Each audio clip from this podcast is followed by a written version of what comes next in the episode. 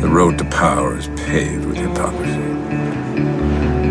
and casualties. What we are looking at is a corrupt political system. This is all wrong. I shouldn't be up here. I say to the leader of the opposition, I will not be lectured about sexism and misogyny by this man. And yes, together we will make America great again. Crowd are people who believe in some conspiracy theories that are so broad and often bizarre, it's difficult to believe, to put it mildly. The Pentagon declassifying three videos of what they're calling unexplained aerial phenomena. To go and to get off your couch and to do something about it. Skratka, gospod Janša, jezo, ki ste si jo nakopali, za njo ste res sami krivi. Gre za to, da je nujno, da vlada odstopi čim prej. Kampanja X, Y.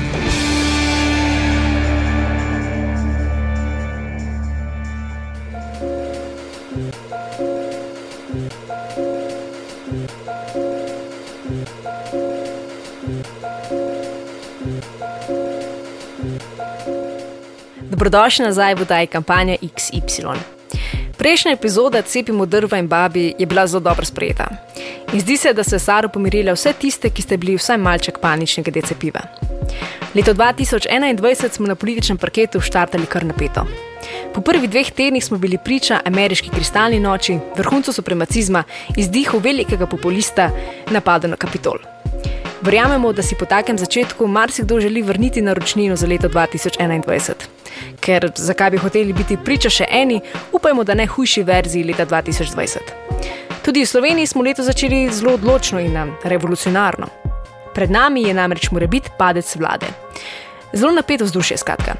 Eni v strahu, drugi v stanju entuzijazma. Seveda ne smemo prehitro sklepati, nekateri še vedno točno ne vedo, zakaj se gre. Zato je najbolje, da se kot državljani pripravimo, tako da razjasnimo to zadevo z nezaupnico zavedno. Tema današnje oddaje je torej konstruktivna nezaupnica vladi Jane Zajanše.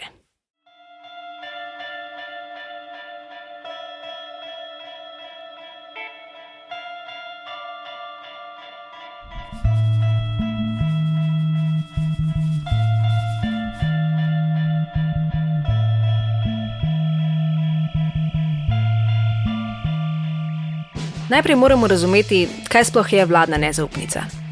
Kot že sama beseda pove, gre za nezaupanje vladi in njeni večini znotraj parlamenta, ker poslanci izražajo nezaupanje v imenu javnosti. Nezaupnica pomeni, da je trenutna vlada izgubila podporo. Preprosto povedano, opozicija aktualne vlade zahteva novega predsednika, ki bo sestavil novo vlado. Po pravni poti stvar poteka tako, da državni zbor na predlog najmanj desetih poslancev oda predlog o konstruktivni nezaupnici, ki jo mora podpreti absolutna večina znotraj državnega zbora. Torej, če je v državnem zboru 90 poslancev, pomeni absolutna večina najmanj enega več od polovice, torej 46 glasov. In rezultat? Padec trenutne vlade in izvolitev novega predsednika vlade. Na novo izvoljen predsednik mora kljub temu še vedno delati po principu work with what you have, dokler ne sestavi nove vlade. Torej, ne gre za to, da z nezaupnico takoj vržemo vse, ki so v parlamentu na cesto in s tem povzročimo stanje brez vladja, temveč samo odstavimo predsednika vlade, s tem pade njegova vlada, kar je treba dokončati, se pa če to konča, nov predsednik vlade pa medtem sestavi novo vlado. Kaj pa če predlagani mandatar ni izvoljen in vlada ostane brez predsednika? Sledi razpustitev državnega zbora in predčasne volitve. Na sveže lahko tako začnemo šele z prisego nove vlade. In kako se zgodba odvija v praksi? Najprej pogledajmo, kako je trenutno sestavljena naša vlada. Ob odstopu predsednika vlade Marjana Šarca januarja 2020 je novo vlado marca sestavil Janez Janša. V koalicijo z SDS so stopile stranke Desus, SMC in NSC in njihovi predstavniki, ki jih zagotovo poznate. Zdravko Počevalšek, SMC, Matej Tunin, NSC in Aleksandra Pivec, Desus. Ob njenem odstopu jo je zamenjal stari novi Karel Rjavec, ki pa ni toliko naklonjen vladi kot je bila Aleksandra. Zato je Desus 17. decembra izstopil iz koalicije. Takrat je stopil tudi njihov ministr za zdravje Tomaš Gantar. Saj veste, njegovo funkcijo ministra za zdravje zdaj upravlja Janša. Torej, V koaliciji imamo SDS z 26 stolčki, SMC z 8, NSI z 7 in Desus, čeprav ni več v koaliciji, je še vedno del vlade s 5 stolčki. Potem pa so tu še predstavniki manjšine in Slovenska nacionalna stranka s plemenitim načelom. Opozicijo sestavljajo štiri stranke: Lista Marjana Šarca, LMŠ, Socialdemokrati, SD, Levica in SAP, stranka Linke Bratušek.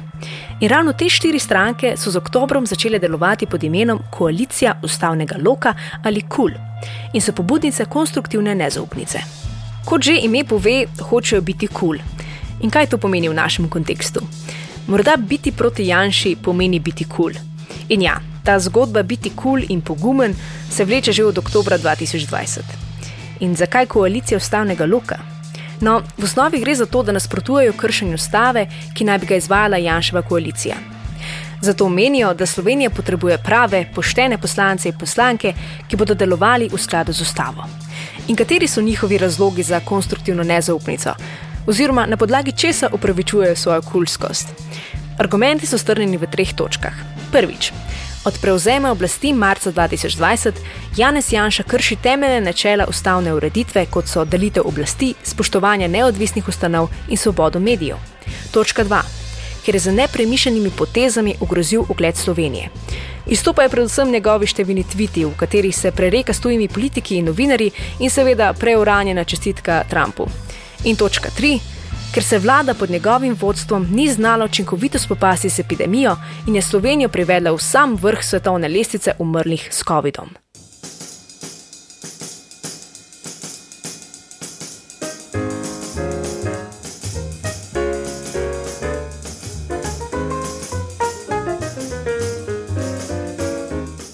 Zakaj se vložitev nezaupnice vleče že od oktobra? Najprej je KUL skupaj s strankami LMŠ, SD, SAP in Levico vodil Jože P. Damjan. Glasno so zatrjevali, da imajo vseh 46 glasov in da bodo menjali Janševo vlado takoj, ko svane zora. A so šteli in šteli glasove in bilo jih je premalo. So po njih spraševali na SMC-u in NSI-u, a tam niso hoteli slišati nič o Jožetu ali njegovi ideji o alternativni vladi. Če bi nezaupnico kljub temu udali, bi to pomenilo predčasne volitve in ker smo bili v središču drugega vala pandemije, bi to bilo neodgovorno. Zato so še raje malce počakali. Še naprej so iskali po vseh kotičkih sejnih dvoran, a nič. In čas je naredil svoje. Za razglasitvijo novega starega predsednika Desusa, Erjavca in izstopom Desusa iz koalicije je posvetila luč na koncu tunela. Erjavec se je vrnil v Desus pod pogojem, da lahko kandidira za mandatarja in tako je kul dobil novega vodjo klana mesto mandatarja nove vlade mu je vedno bolj dišalo. Stranke v Kul pa so rekle, da bodo podprle tistega, ki bo čim prej zbral 46 glasov. Pa naj bo sosedova Mitska ali Karel. Mm, ja, čim prej. No, o dojemanju časa in matematiki bomo še kakšno rekli. Tako se je začel lov na glasove in razkazovanje moči v javnosti. Karel v javnosti razglaša, da vse glasove ima, a izkazalo se je, da ekipa šteti ne zna. Koliko nas je? 39, 42, 46. Čakaj, kaj pa Janes pravi na to?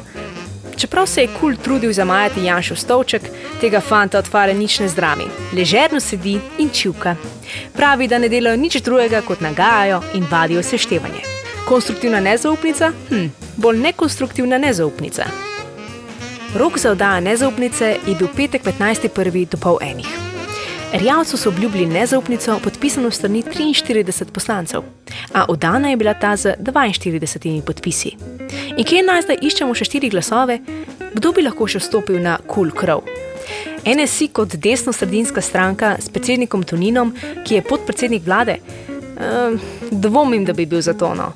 Ostane samo še SMC z osmimi poslanci in Desus z delujočimi petimi poslanci. Torej imamo 13 poslancev. Prihodnost dveh milijonov ljudi je na plečih 13 poslancev. Morda potrebujejo več časa za razmislek, se bodo že pridružili na dan glasovanja. Pa se bodo res?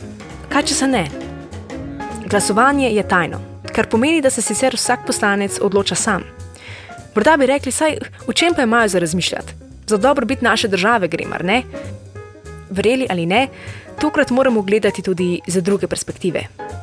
Stranki, ki sta trenutno v koaliciji, torej SMC in Desus, imata še dve leti do poteka mandata. Če bi glasovali za nezaupnico, jih lahko koalicija vrže ven in stranki bi izpuhteli na političnem parketu kot kafra. A, torej gre za bitko politične moči, bolj bitko za lasten job. Seveda bi morali biti zavezani in lojalni ljudstvu, ampak to velja samo na ustavni ravni. V realnosti pa je za nje bolj odločilno vprašanje, kaj bo z mojo kariero. Žal, očitno res vsak gleda le nas. No, to smo vedeli že marca, ko so te iste stranke, ki so bile proti Janši, vstopile v koalicijo z SDS. Očitno res gre za pragmatizem. In kaj lahko pričakujemo? SMC je dal jasno vedeti, da ne podpirajo erjavca za mandatarja. Odkot in kako bo potem kul dobil štiri glasove, tako nišče ne ve. Če nezaupnica ne bo uspela, pomeni, da koalicijski stranki ustajata zvesti Janši. Pa pustimo špekulacije o prisiljeni ali podkupljeni zasobi. Mimo grede, jim ta sploh pride prav? Ok, če si zamislimo scenarij, konstruktivna nezaupnica ni sprejeta. Novega predsednika vlade ni. Predsednik države razpusti državni zbor in sledijo predčasne volitve. Tudi če bi SDS hotel sestaviti koalicijo, je ne bi mogel, ker bi mu ob strani ostal samo še NSI s Toninom in SMC s Počevalškom. Bi se tistih 13 poslancev tako počutilo bolje, če pade vlada in držijo z Janšo, kot da glasujejo za konstruktivno nezaupnico in računajo na miloščino kula, da lahko svoje delo poslancev upravijo do konca mandata.